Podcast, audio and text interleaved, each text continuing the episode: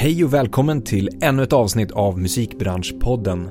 Jag heter Andreas Andersson och här träffar jag spännande gäster som delar med sig av kunskap och inspiration.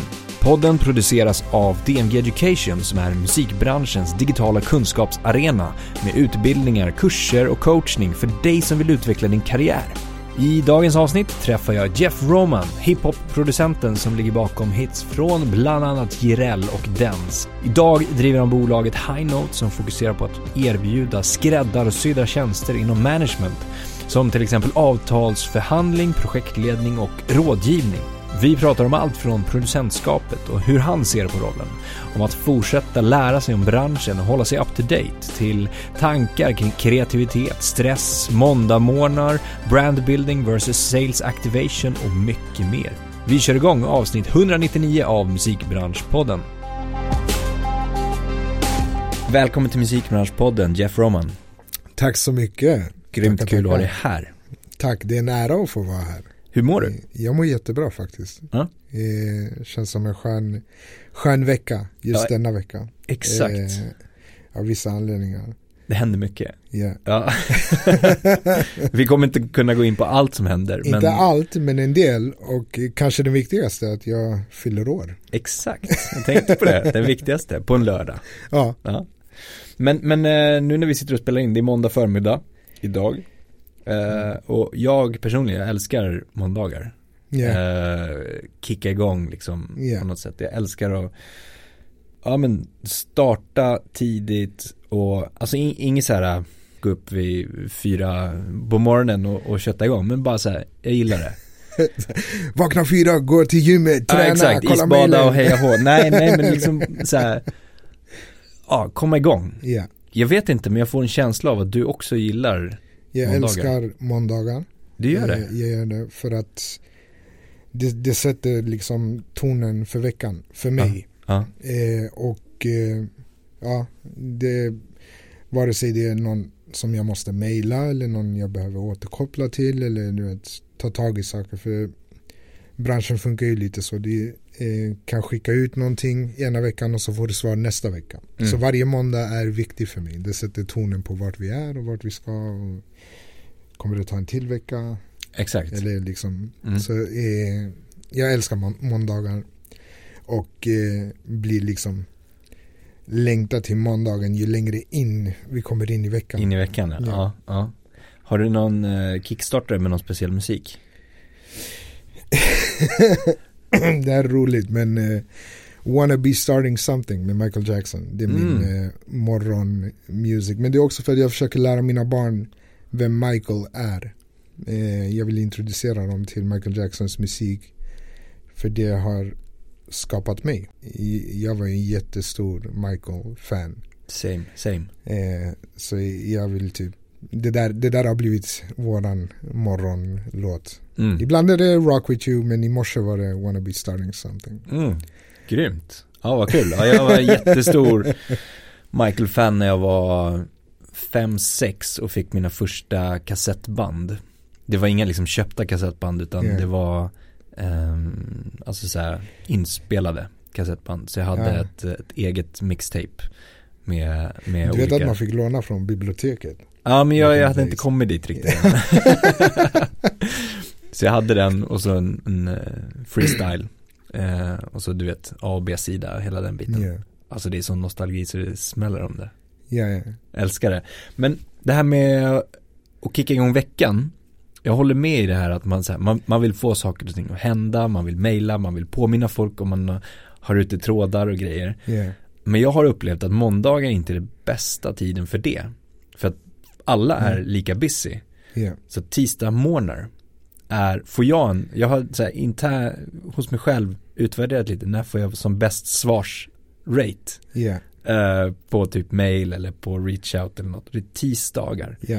Om det kommer ett mail in. Ti- tisdag och onsdag för, för min del. Okej, skulle jag ja, säga. ja, Eh, men jag tror att det är själva grejen av att nu är det måndag, nu kan jag störa folk.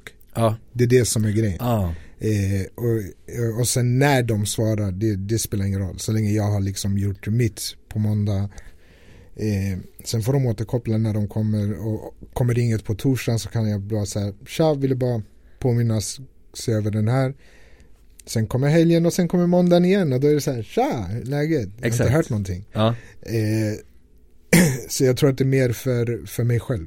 ah, Eh, fattar. Att så här, nu är det måndag, nu kan jag störa folk. Man vill ju inte vara på folk så här, slutet på veckan och kanske har jättemycket att göra. Någon release är på G. Eh, och sen kommer helgen, du vill aldrig störa folk på helgen. Mm. Eh, jag som jobbar med music service, jag har artisterna som jag snackar med på helgerna. Eh, och då förbereder vi inför veckan av vilka industrimänniskor jag ska höra av mig till under den veckan. Mm, mm. Har du någon magisk formel för hur lång tid du väntar innan du hör av dig igen och säger tja, har du kollat på det här? En vecka. En vecka? En vecka. Mm. Alltså man måste respektera folks tid. De, de gör ju saker hela tiden. Mm. Eh, det kanske inte är så jag tror det, den största utmaningen är alltid att förklara för artisterna att det här är människor som, som jobbar.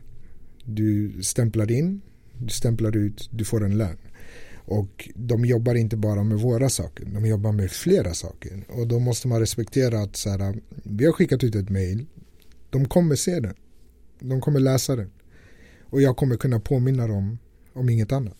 Men artister har någon form av frustration där det är så här, allting ska ske på en gång. Mm. Som team så får man ju vara the bad guy. Alltså man får ju ta på sig ganska många smällar av att säga ah, jag ska vara på dem nu eller typ jag ska försöka, jag ska göra, jag hör av mig hit. Men jag försöker alltid vara transparent och ärlig med allihopa att så här, om någon skulle bara, ej de här, de har inte av sig eh, och det är en torsdag, då säger jag, ah nej jag vet men jag kommer höra av mig till dem på tisdag. Mm. Så att de vet liksom att okej, nu kommer ta några dagar tills Mm, Jeff hör av sig till dem. Så att de också vet, jag vill inte bara säga nej jag ska ta det imorgon och sen kommer jag inte göra det. Alltså jag vet hur jag är, jag vill respektera människorna jag har dialoger med. Mm. När skulle du säga så här då, en vecka? När är du som mest kreativ? Business wise versus kreativ wise? Eller liksom kreatörs... Bå- båda två Ja. på kvällarna. Mm. Alltså min hjärna aktiveras, jag vet inte varför, men jag skulle nog säga runt så här 10-11 på kvällen så kan jag få de sjukaste idéerna och bara så här, "Va? jag kan inte typ höra av mig till någon nu. Nej, exakt. Eh, men jag har en whiteboard hemma där jag skriver ner allting och sen har jag vissa människor som jag använder som bollplank. Så, typ eh, Michelle som är en del av High Note. Hon, hon är den som jag typ kan höra av mig till. Vi har en, en annan tjej som heter Jana och vi har en kille som heter Faye. Så är det att jag får idéer mi- mitt på natten. Michelle är kanske den som tycker jag är lite så här, okej ta det lugnt, vänta. Men eh, eh, jag har folk jag kan vända mig till när hjärnan håller på att explodera av idéer. Mm. Eh, vare sig det är att man, man blir kreativ. Men jag, jag anser liksom businessgrejen vara en kreativ grej också. Jag har på något sätt associerat det på samma sätt för att typ en en vinst i, i, i branschen vare sig det är liksom att man har signat någon eller fått ut en fet låt som jag själv inte har proddat eller hit och dit.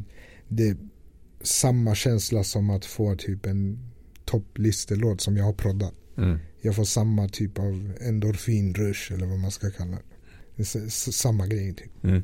Hur, hur skulle du säga att du hanterar stress då? Det kan ju finnas så här intern stress som du sätter på dig själv tack vare eller på grund av att du spaltar upp alla de här idéerna och bara så här, jag måste prestera, jag måste göra det här, jag ska göra det här. Och så finns det extern Ja. liksom stress eller press på att, ja men nu har jag, nu är jag i det här projektet, nu måste jag leverera, nu börjar vi närma oss deadline och sådana saker. Jag älskar stress. Eh, Jag älskar att vara stressad. För det är då jag går igång mest. Alltså, det jag inte tycker om, det är hur jag kan, hur min stress kan påverka andra. Mm. Och jag har jättesvårt att försöka lära mig själv att inte smitta av min stress på andra. För min stress är min stress och jag vet vad jag kan leverera under, under press liksom. Och typ, jag, jag älskar ju den grejen. Men jag, jag vill på något sätt respektera att alla inte är så. Mm. Och att, att, att jag måste typ hitta någon form av balans att när jag är stressad att inte skicka över den där stressen på någon annan. Mm. Och jag tror att det där är en av mina största flaws som jag försöker när det kommer till så här, eh, personutveckling. Att typ lära sig att inte stressa andra människor. Det är Mm. jätteviktigt. Mm. För min stress ska inte påverka dig. Men, men jag ska kunna säga till dig typ så här. Det här är vad vi behöver göra. Men jag vill ändå typ så här. Om jag känner mig stressad över det. Så är det mitt jobb att se till att så här. Hur kan vi göra det utan att jag stressar dig? Mm. Och då, då är det kanske typ så här. Skulle du hinna få det gjort den här dagen? Säger du nej så får jag hitta på någonting annat. Mm. Typ hur kan jag komma till mål? Typ. Alltså, det, det är sådana grejer som jag vill.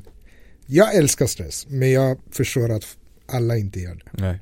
Nej, 100 procent. Jag är precis med dig i samma tankar och samma utmaningar för min egen del. Yeah. Alltså verkligen. Jag, att inte smitta av sig på antingen de som är med i samma projekt eller jobbar med det.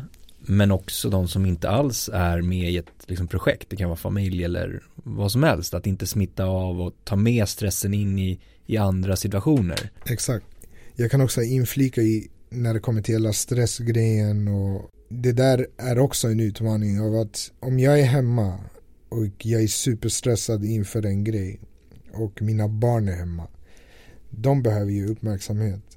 Det där är också en utmaning av att så här, lägga undan telefonen, ha fokus på barnen när de inte ser. Ja. Var snabb och typ hoppa in i luren, gör din grej.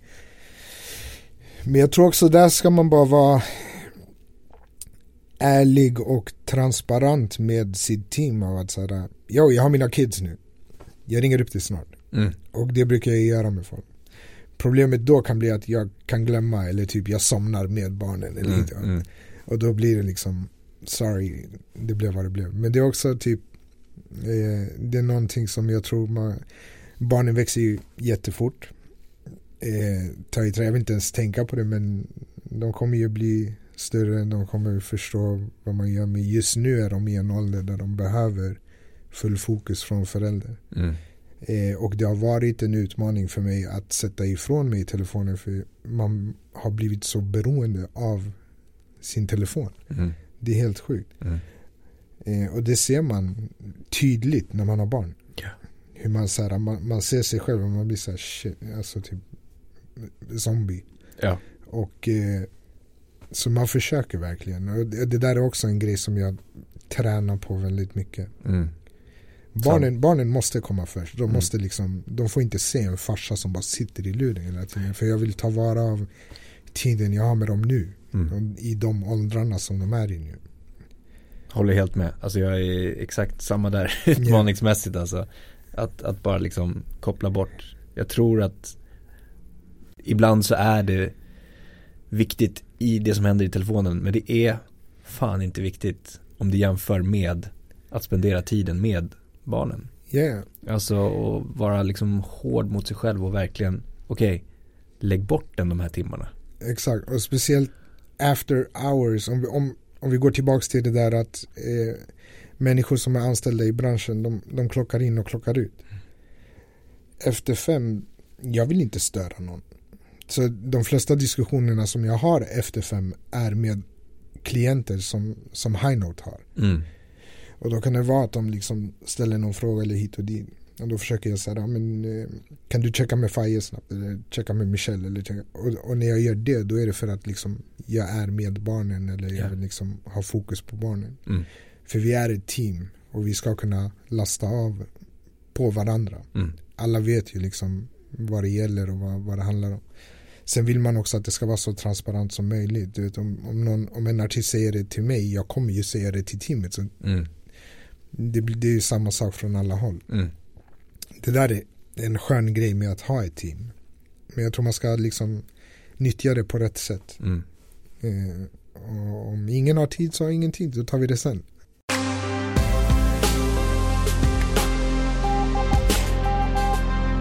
Du, jag, jag, vi ska dyka in lite i det och jag läste ehm, i ehm, en mening i en intervju som du var med i.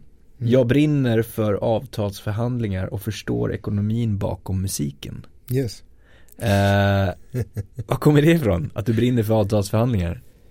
Eh, det där är faktiskt, och nu kommer jag ge en shoutout till eh, Dens och eh, Nordic som eh, Dens kommer till mig en dag och säger så här, det här var jag vill inte säga fel, jag vet inte om det var 2022 kanske, oktober 2022, där någonstans. Och bara, en av mina låtar håller på att gå viralt på TikTok. Jag har ingen aning om vad TikTok är, jag liksom 2020 bestämde jag mig för att jag ska lägga pro producentgrejen på hyllan, jag vill fokusera på mina barn och typ vi får se, jag ville ta en paus från allting. Eh, så jag var lite lost i vad jag skulle göra. För om jag inte har produ produktionen, vad gör jag? Vad, mm. vad, kan jag? Alltså jag hade inte hittat Det var liksom din identitet då? Eh, precis. Mm. Eh, utan att tänka på vilken kompetens man satt på, alltså underliggande. Men det var här det väcktes fram. Så när, när, när den kom till mig och bara, ja, det här har gått viralt. Jag började forska direkt, vad är det här? Okej, okay.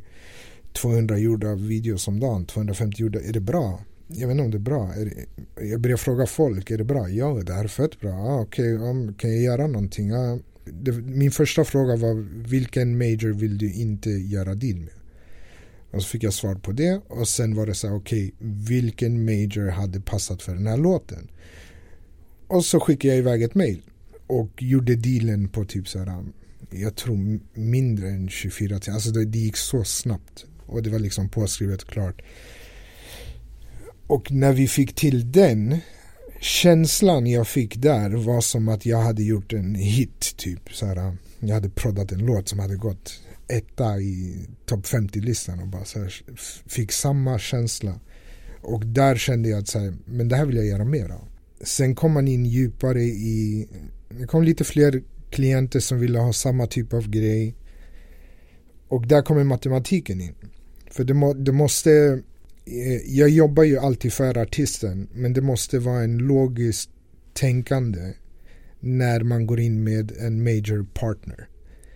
För om, om en major ska gå in med riskkapital så måste matematiken falla på plats på något sätt. För eh, i och med att eh, den generationen som jag kommer ifrån eh, alla de har ju blivit liksom heads eller jag kan göra deals med dem direkt. Eh, där vi inte behöver liksom gå via en ENR som ska känna efter om de kan göra någonting med artisten, testa lite sessions hit.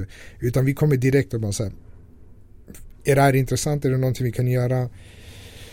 Mitt jobb har blivit väldigt mycket av att säga okej, okay, vart ligger du nu? Hur ser din brandbuilding ut?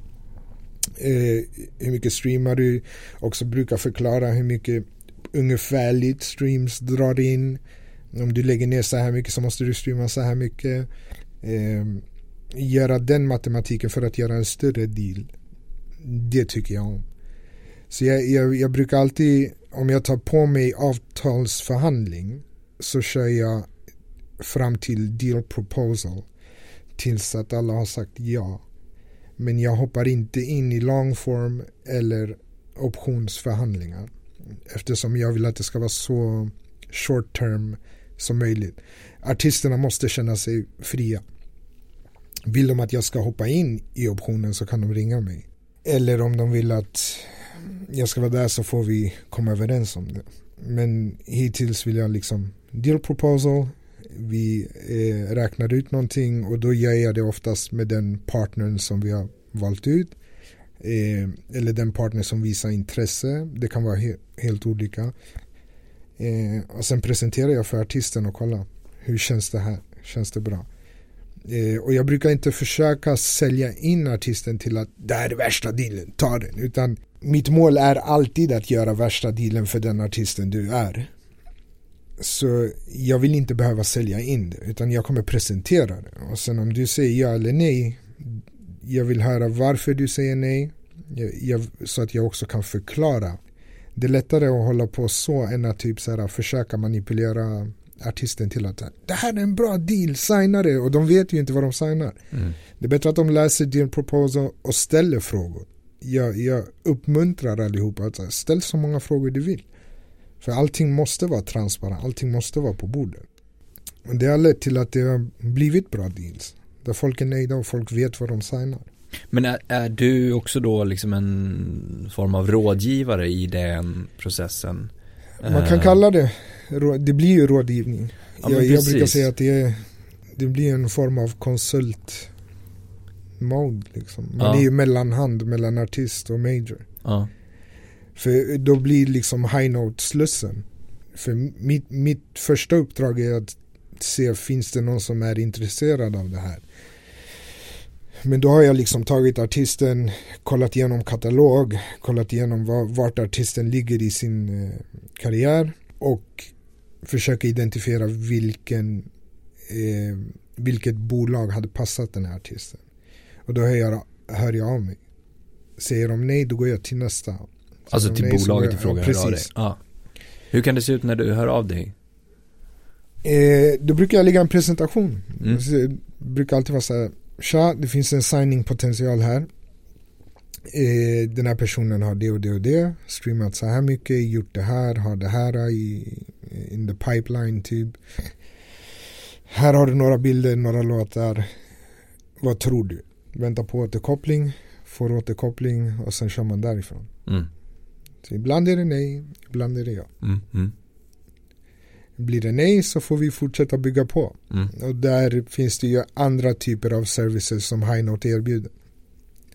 Men det kanske vi kommer in på sen. Ja men exakt.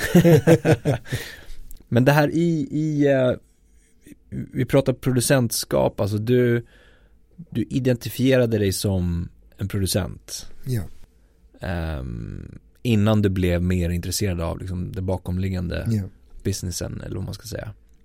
Och du har gjort jättemycket. Alltså som du sa, du har ju producerat topplistesgrejer eller vad ska Ja. man säga. Eh, vad är du mest stolt över? Jag är mest stolt över allting egentligen för att det, det jag inte tänkte på och det många inte tänkte på vad jag tror.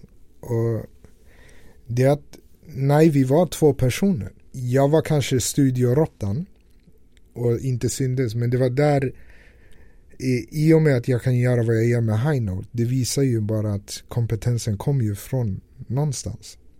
Och det var väldigt mycket som, som jag gjorde i, i Nivy som jag inte tänkte på att men jag kan göra det här.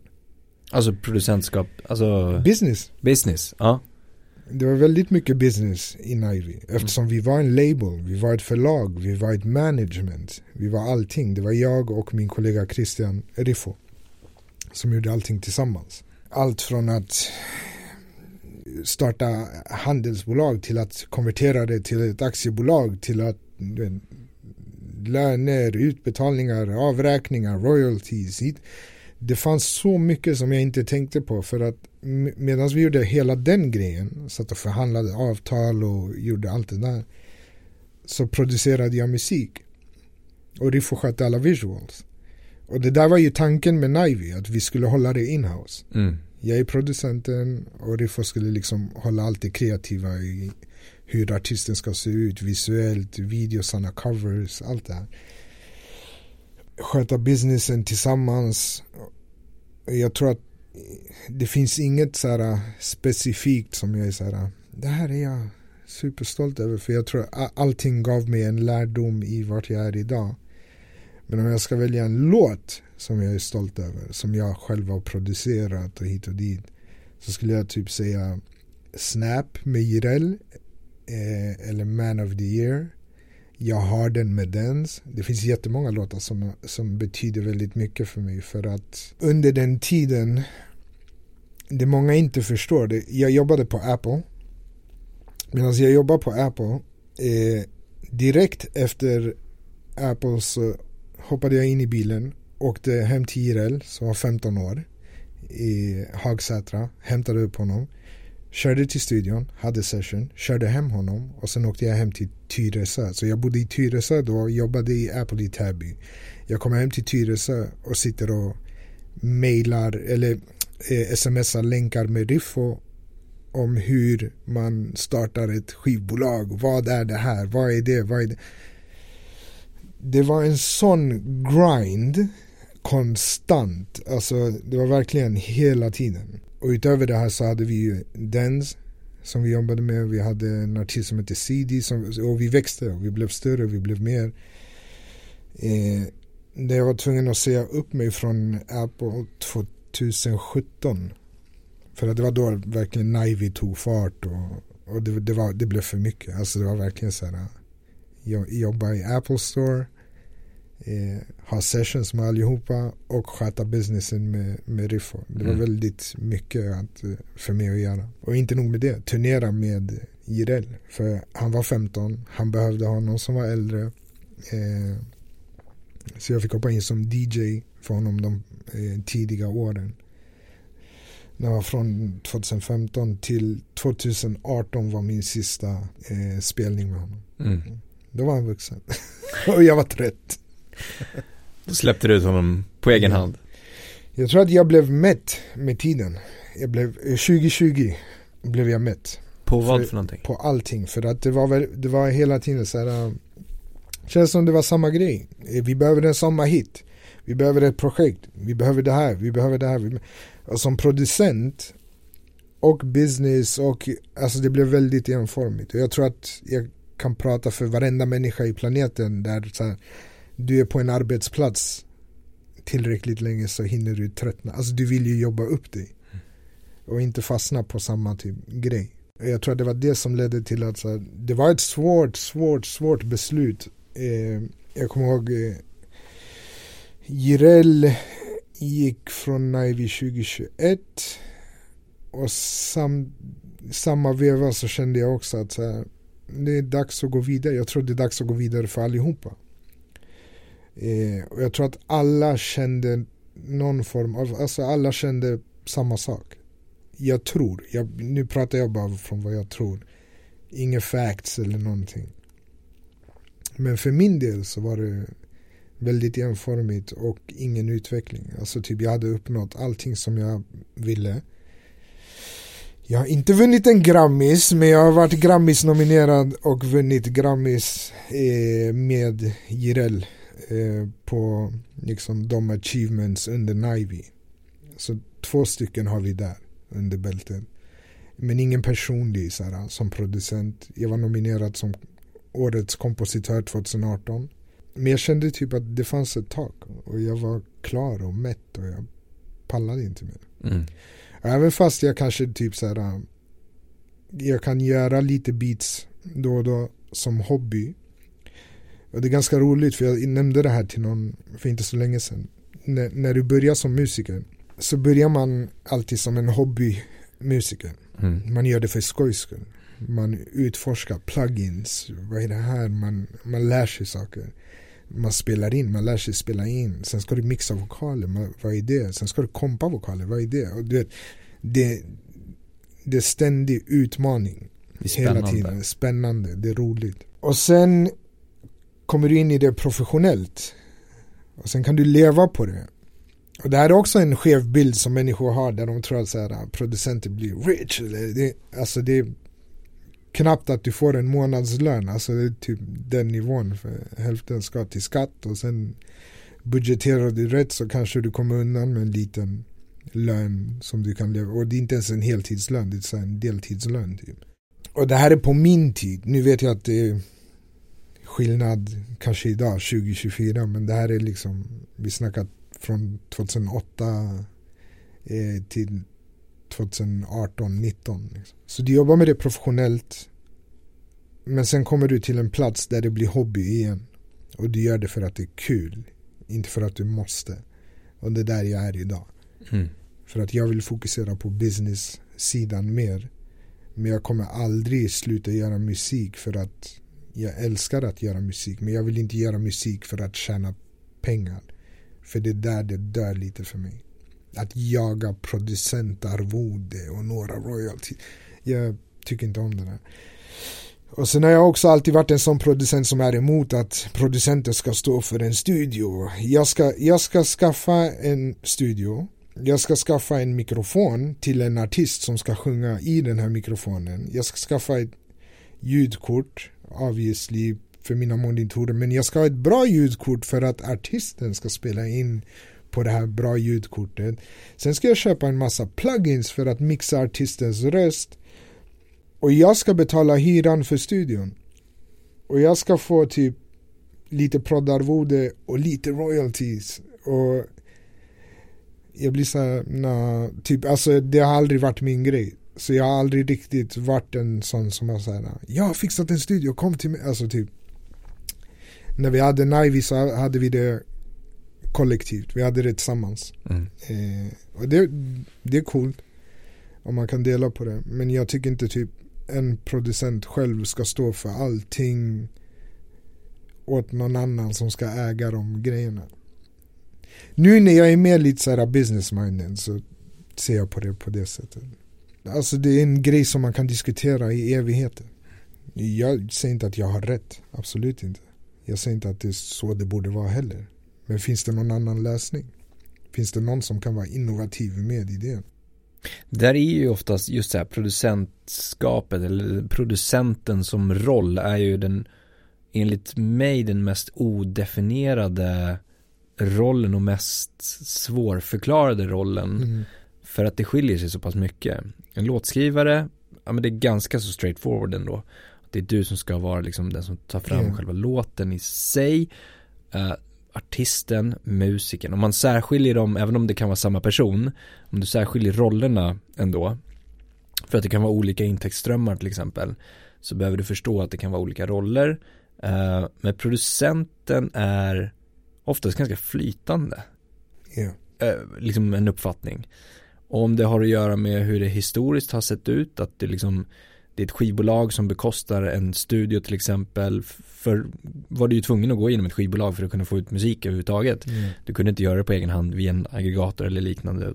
Att om det kommer därifrån då att ja, men, eh, skivbolaget är den som anlitar producenten och då behöver inte producenten vara den som står för studion.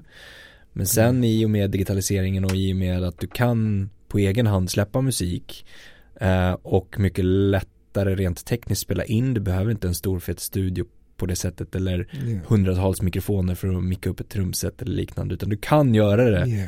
billigare så har det också men jag vet inte, är det, är det därifrån det kan ha kommit att producenten då eh, oftast har en egen studio att man sitter, det kan vara en liten studio eller ett litet eh, liksom, inspelningsrum eller liknande för att det, det är det man själv vill göra och man, man liksom har ja, men, skaffat det på något sätt och att det sen har blivit att, ja men vadå, vi kör väl i din studio. Ja. Alltså så. Jag tror om jag pratar för mig själv. Ja. Eh, när jag hade studio så ville jag ha studio för att jag ville ha min utrustning där. Exakt. Eh, men sen har det kommit till de här punkterna där kanske någon inte tycker om min studio för de tycker inte om micken jag har där.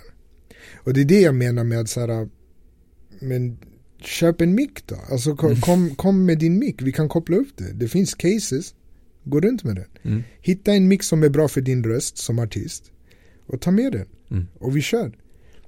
Istället för att klaga på, på min studio och, och säga att jag har keff utrustning.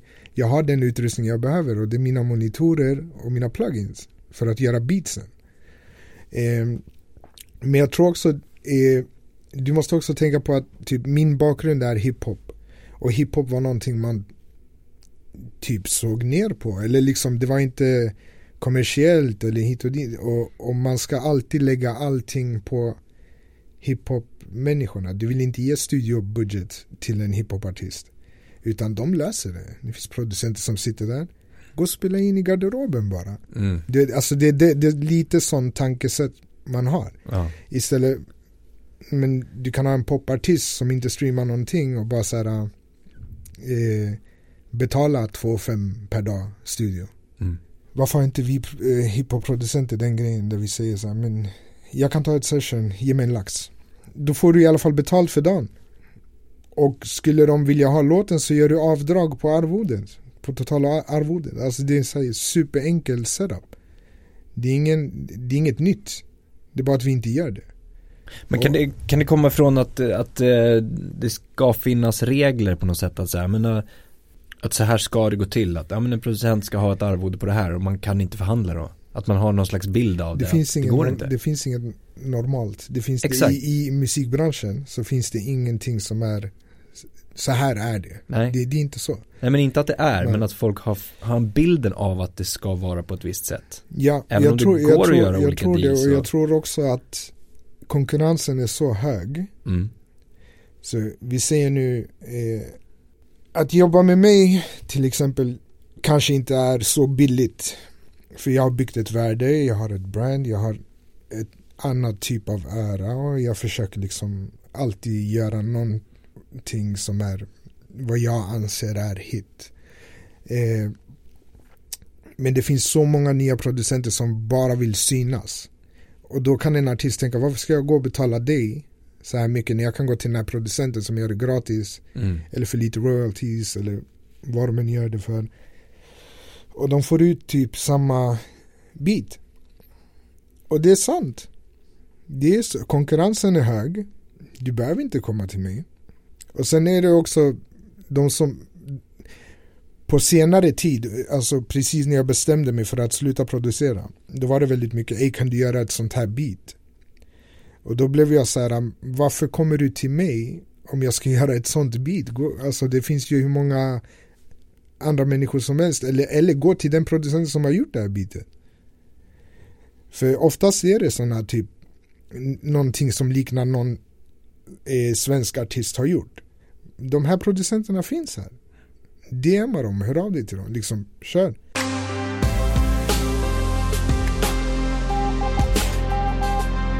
Nu har vi pratat om, om, om hela liksom deal, dealandet fram och tillbaka men sen så handlar det om att det här skapas en inspelning av i studion. Yeah. Den inspelningen kommer ju ägas av någon, alltså rätten Yeah. till att bestämma vart den ska släppas och sådana Yeah. saker. Och den som också får in intäkterna från, som genereras från själva inspelningen, vilket är, är viktigt att skilja på också utifrån liksom, inte de upphovsrättsliga intäkterna kopplat till upphovspersonen som har skapat verket i fråga utan det handlar om inspelningsrättigheterna. Ehm, där finns det ju mycket att tänka på. Yeah. Alltså som artist till exempel. yeah. eh, för att kunna definiera det här tydligt. Och där tror jag att det viktigaste är att de, de, de flesta diskussioner börjar alltid i studion. Eh, eller går alltid över till ett telefonsamtal eller ibland sms. Ey, hur gör vi med splits? Och då Ja. kan till exempel mitt team få ett samtal. Ey, hur ska vi fördela det här? Eh, och så vidare. Och rekommendationen där är att man tar allting på mail. Mm. Så att man har, för det, det, kan, det kan bli stelt att bara springa runt med avtal till varje människa och bara säga här, skriv på det här. Och då kommer massa följdfrågor. Vad betyder det? Och vad betyder det? Och vad betyder det? Det, det enda man vill är liksom vad, vad är splitsen och vem äger det och bla bla bla. Eh, har du det på mail så är du klar. Mm. Så basically. Det är det enklaste sättet, speciellt för folk som gör liksom hiphop eller det, det kan vara vem som helst egentligen. Mm. Men det är, det är viktigt att ha en, en, en form av skriftlig konversation. Ja, och så tydligt som möjligt också. Ja, Alltså så här, ja men bra, vi är, och så inkluderar man alla i mailslingan till exempel, Exakt. alla involverade i liksom processen. Och rada upp det i mejlet liksom. Ja. Som vi har pratat om eh, sen tidigare, pang, så kommer vi överens om det här, det här, det här, Exakt. det här. Ehm, alla kan, kan alla bekräfta det här med ett OK Ja. eller ja eh, via mailen. för då blir det som ett bindande avtal. Ja, Men oftast, eh, det hände oss nyligen, eh, jag ska inte nämna namn eller någonting men typ så här, eh, artistproducent kom överens, eh, man kom överens om allting, splits och hur det ska gå till. innan inspelning. Vadå? Innan inspelning eller? Nej efter, alltså Efter nu, nu är det, ja, vi är ja. på väg mot release och vi Okej. håller på att komma överens om splits och, och, och allting. Och så är det klart. Och så är det reggat, uppladdat, fixat. Och sen får man liksom ett samtal av att ah, men här är en gitarrist som vill ha det här och det här och det här. Och man blir så här, okej men Mm. allting är ju redan klart. Mm. Man vill ju inte vara liksom så här, eh, eh, taskig eller någonting. Men det finns underlag som styrker att det här är vad vi har kommit överens om. Så man kan sätta punkt där. Mm. Men vi ville liksom fixa situationen så vi försöker fixa en lösning till det. Men det, det fin- bara så att folk har det som ett exempel att så här, har du underlag så kan du actually typ säga nej, det är redan klart. Eh, men hade vi inte haft det, då hade det blivit jobbigt. Då hade det blivit så här, ah, vi, inte ens, vi har inte ens kommit överens om någonting. Ja, exakt. Och, och då kommer vi tillbaks till den där, vem äger låten? Mm. Mm. Verkligen. Och det är, alltså allra drömläge är väl att göra, komma överens om innan man ens går in i studion till exempel. Yeah. Alltså innan så här, okej, okay, här är spelreglerna vi tänker oss. Mm. Sen så förstår jag också att, att det kan ändras under en inspelningsprocess också till exempel. Yeah. Det kan hända saker och ting där som man känner att, nej men vänta här nu, vi splittar det på det här sättet. Men då kan man ändra. Så man kan ju faktiskt gå in med ett drömscenario och innan komma överens om så här, okej, okay, vår ambition är att vi ska hitta fördelningen under inspelningsprocessen till exempel. Yeah. Uh, vår ambition är att göra det på det här sättet inför. Uh, men vi kommer definiera det slutligt under inspelningen till exempel. Exakt. Sådana saker, alltså jag vet att det här låter skitbyråkratiskt och tråkigt och så, men, men det kan men det eliminera med... liksom konflikter framöver. Exakt. Jag tror att det där är artist, jag brukar alltid säga till artister och producenter, tänk inte på det, var kreativa och gör bra musik. Eh, och det är därför teamet finns. Mm. Det är därför typ High Note finns. Vi ska ta de där diskussionerna. Vi förmedlar mellan producent och artist. Även om det är internt, även om det är våra egna som jobbar med varandra. Jag har alltid sagt till allihopa, ni behöver inte, prata inte med varandra. Vi, vi löser det alla förstår också att det inte är så här, vi sitter inte och tjafsar utan det är så här, okej, okay, låter det här bra? Jag brukar alltid fråga, låter det bra? Känns det bra? Känns det okej? Okay? Och då, jag har fått så här, nej det här känns inte okej. Okay. Okej, okay, cool. Jag går tillbaks, skissar om. Mm. För mig är det okej att skissa om. Är det här okej? Ja, ah, men det här ser nice ut. Okej, då går jag till nästa. Är det här okej? Mm. Ja, fine jag, jag hade helst velat att artist och producent gör sin grej. Teamet löser liksom resten så att de, eh, de inte behöver tänka på det. Men nu snackar jag från liksom high note services ja, perspektivet. Ja. Vi jobbar ju för dem. Och vi vill att de ska vara kreativa och bara tänka på det. Inte sitta och oroa sig. Hur mycket tar den här? Vem tar det här? Mm. Men jag brukar också alltid påminna, speciellt när de går till nya fält, testar nya producenter, nya. Fråga dem vad de tar först. Mm. Har du råd för det här? Man måste också se vad, vad, vart ligger artisten streammässigt. Alltså typ vad tjänar den här artisten? Har du råd att gå till den här producenten? Det där är också en, det är en jätteviktig grej. För det, it makes no sense för en artist som inte streamar så bra och går till en producent som kräver mycket. Du kommer aldrig se de där pengarna igen. Mm. Jag ska inte säga aldrig, vad som helst kan hända, men mer än ofta av erfarenhet så har det blivit så. Det blir en förlustaffär. Mm. Och artister måste se sin musik lite som business. De skapar en produkt och sen ska vi sälja det. Men om du har lagt ner 50 lax för en låt, det är svårt för oss att få tillbaka de där 50 laxen. Beroende på vart du är i ditt brandbuilding. Mm. I ditt, hur stort ditt varumärke är. Jag tänkte vi ska gå in, du har ju en väldigt bra inställning kring, du har ju bred erfarenhet från kreatörskapet som vi har pratat om och du har ju eh, undermedvetet nästan lärt dig väldigt mycket om branschen och businessen yeah. som du nu mer och mer utövar kan man väl nästan säga. Yeah. Men, men din inställning är ändå att lära dig mer, att vara liksom Ja, Men jag kan inte allt, jag vill ha, jag vill ha mer. vad, vad, vad kommer den här mm. liksom? Jag kan inte allt och jag kommer aldrig kunna allt. Men jag kan mycket och jag vill lära ut och jag vill lära mig.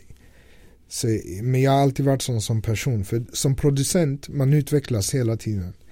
Eh, varje år kommer en ny generation av producenter och jag tävlar mot dem. Men istället för att se dem som liksom de är ju konkurrenter. Men jag vill lära mig från dem.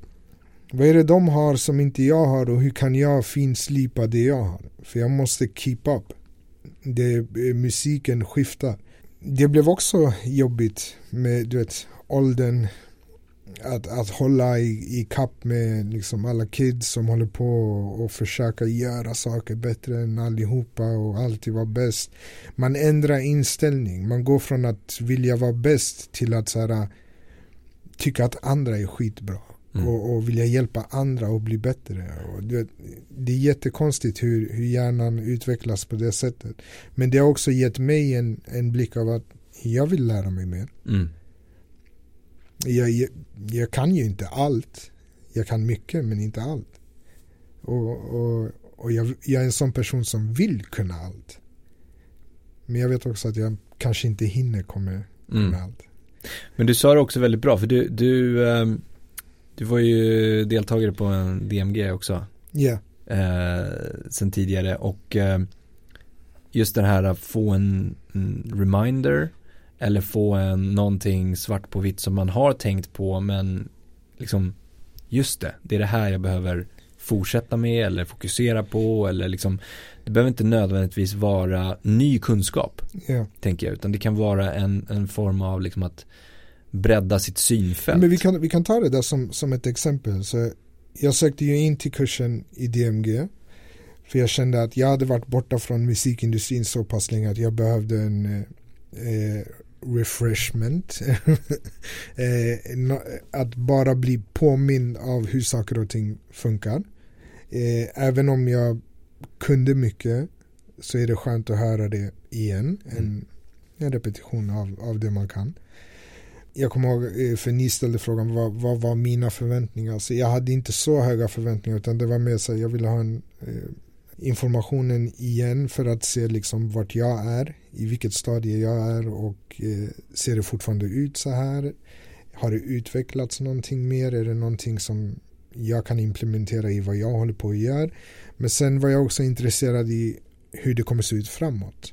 Vart, vad, vad, vad era tankar med AI är och hur, hur kan vi implementera det i vad vi gör i branschen och hur det kommer utvecklas framåt. Så det, jag är alltid ut, ute efter att lära mig för att kunna vara steget före. Men jag gillar att vara innovativ. Mm. Jag kanske inte kommer komma på en idé men jag kan utveckla en idé. Mm. Mm. Jag, kan, jag kan få idéer från idéer. Och jag tror att det där ligger typ min styrka skulle jag säga. Ja men en, en, en klockren grej där som vi också har pratat sen tidigare, liksom hitta balansen mellan, alltså när vi pratar marknadsföring till exempel eller marketing. Yeah. Um, att hitta balansen mellan brandbuilding och sales activation. Alltså yeah. vad är det för någonting? Yeah. Uh, och hur man kan applicera det på artister eller på ett bolag i musikbranschen. Det, det där var superviktigt för High Note för att eh, i början så var det väldigt mycket fokus på hur vi ska brandbilda artisten. Men problemet är när du själv inte är artisten. Artisten kommer inte göra allting som du föreslår. Mm. Så då skiftade jag fokus till att brandbilda High Note. För att vi är High Note. Och vi kan faktiskt brandbilda oss på det sättet som vi vill. Och det har liksom gett sina resultat på, på vårt sätt. Vi fick våran lilla hype eller whatever. Eh, men då kände jag så här att okej, okay, vad gör vi?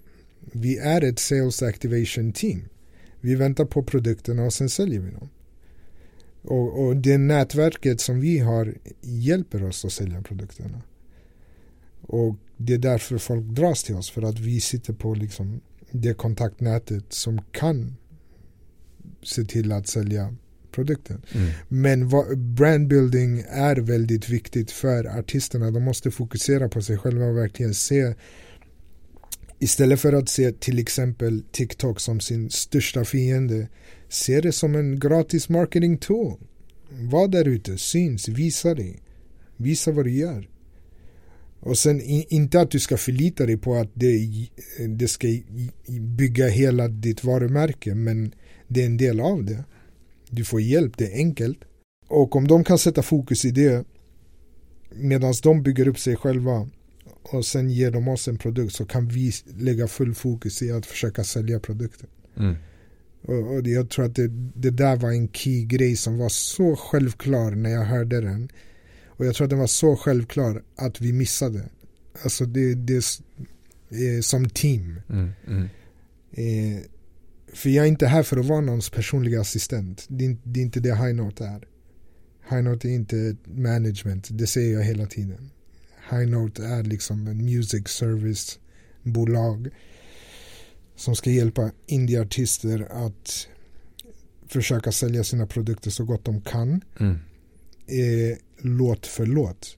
Vi binder inte folk i flera år eller tio låtar. Eller, för vi erbjuder inga förskott heller. Det vi erbjuder är att sälja deras produkter. Mm. Och vi är fysiska personer. Det finns ju hemsidor som de kan göra det på. Men vi är människor som kan liksom ringa folk. Vi är människor som kan vara bollplank för artisterna. Ge dem rekommendationer. Mm. Så här hade du kunnat branda dig om du vill. Men sen om de gör det, det är upp till dem. Och jag tror att när, när, den, när det tankesättet kom för oss som team, det släppte jättemycket press. Mm. Eh, för vi förstod lite mer av vad det var vi skulle göra för någonting.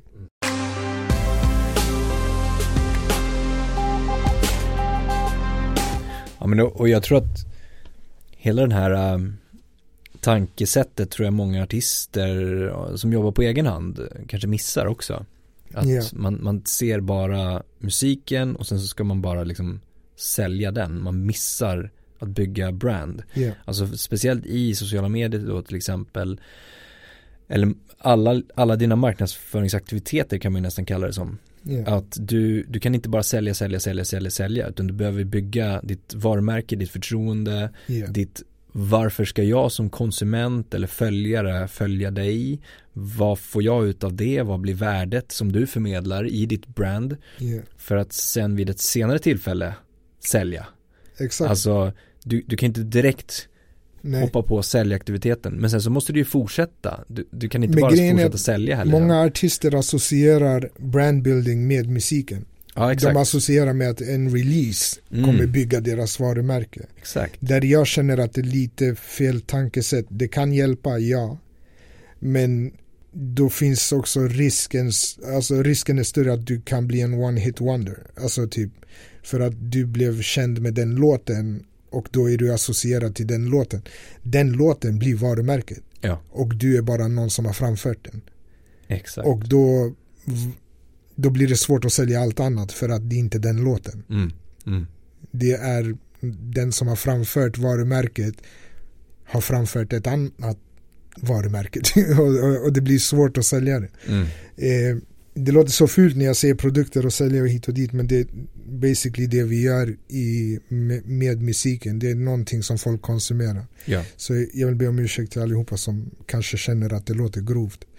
Men jag vill alltid att artisterna ska fokusera på liksom bygg ditt varumärke och vi kommer rekommendera så, så många grejer som möjligt och vad de gör det, det gör de Mm. och vi kommer aldrig säga nej till en release om folk vill släppa, släpp så länge vi kan få dem att förstå hur mycket det påverkar i hur mycket de streamar och vart de är och hit och dit det minskar ju deras ångest också Mm. för de förstår ju saker lite bättre också. Efter vi har haft de här konversationerna så har de liksom fattat att shit, okej, ja, det, det är sant, det är så. Mm. Mm. Jag tänker på eh, genom, vi pratar om liksom att, att eh, lära sig mer eller förstå hur branschen funkar och liksom bli reminded.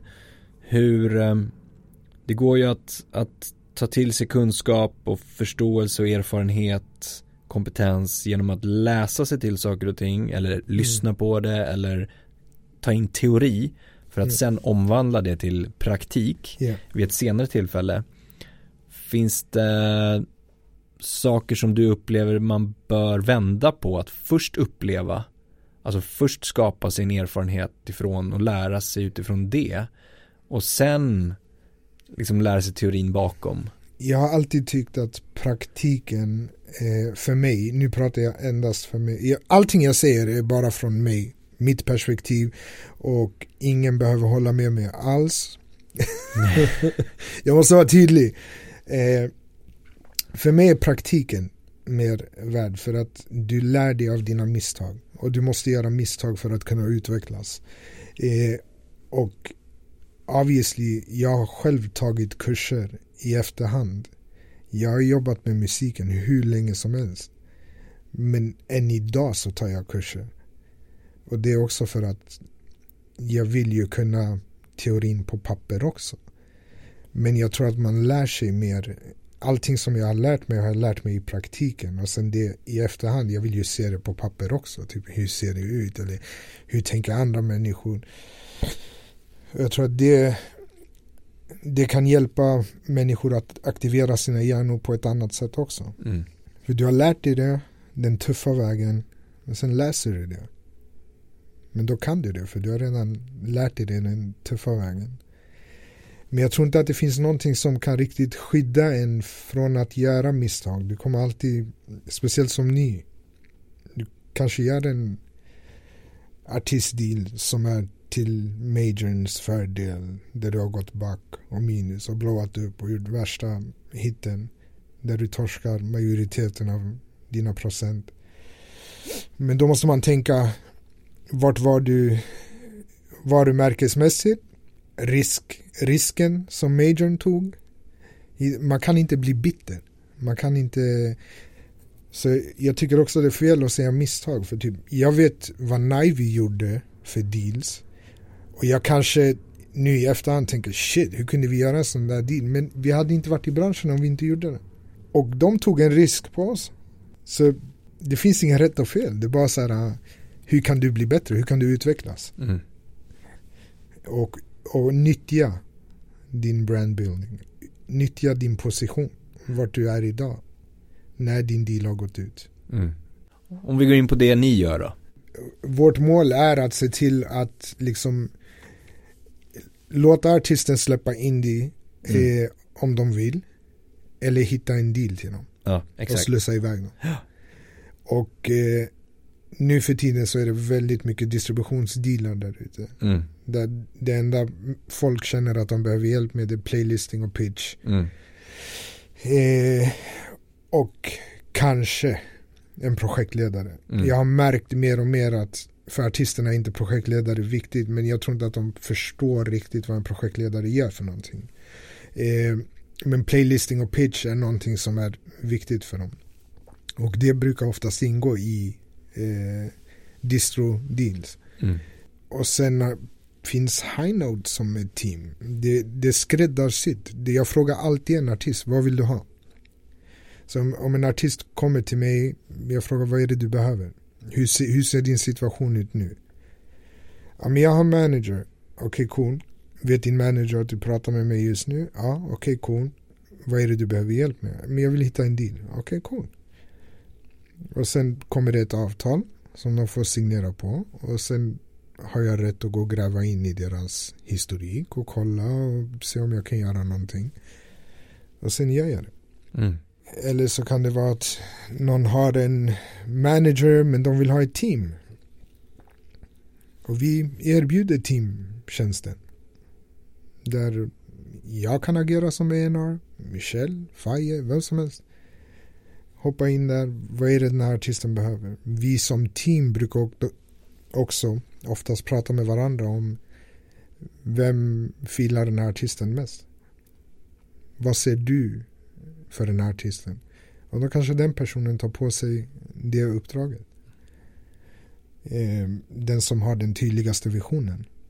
Det måste vara väldigt så här, öppet och också för att artisten ska känna att de actually har ett team fast vi är song by song baserade. Mm. Det, det, det är viktigt för mig att folk förstår typ att eh, jag personligen gillar inte ordet management för management kräver väldigt mycket eh, artisten kräver väldigt mycket från ett management. Man ska liksom vara centrum i allting. Och det blir lite av så här, hålla handen situation.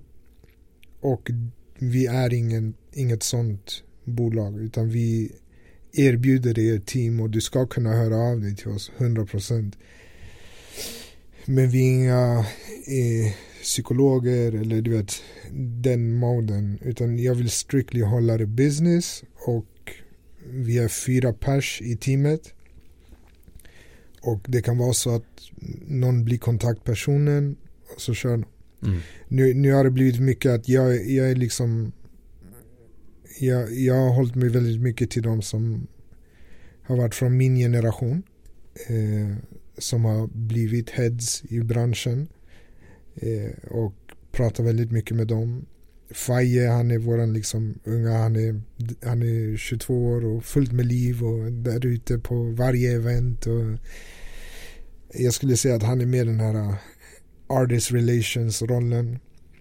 Eh, Michelle också, hon, hon, hon kör allt möjligt. Artist relations, A&R, hon skriver, hon, hon gör massa grejer. Eh, sköter mycket av, av det administrativa, sköter våra socials. Eh, Jana, hon är mer i publishing-sidan. Eh, hon eh, har jobbat väldigt mycket som set designer i LA.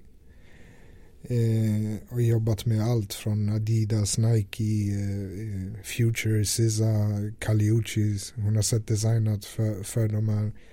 Och eh, vi bara såg en opportunity av att bygga publishing på det. Liksom. Och kunna skicka ut beats till artister i USA. Eh, så vi har ett helt team och, som är redo för att göra allt möjligt för allihopa. Men, men eh, om vi avslutar och rundar av lite med framtidstankar. Ja.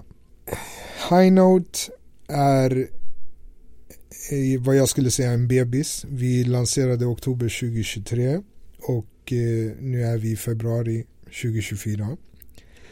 Det har inte gått så lång tid och eh, vi har ändå lyckats fixa den hypen som vi har, vilket jag är väldigt tacksam för. Eh, kontaktnätet som vi har, jag är väldigt tacksam för dem. Eh, vi får se vart framtiden tar oss. Vi är fortfarande i developing stages av vart vi vill. Eh, jag brukar också fråga alla i teamet liksom vad, vad deras mål är och vad de vill.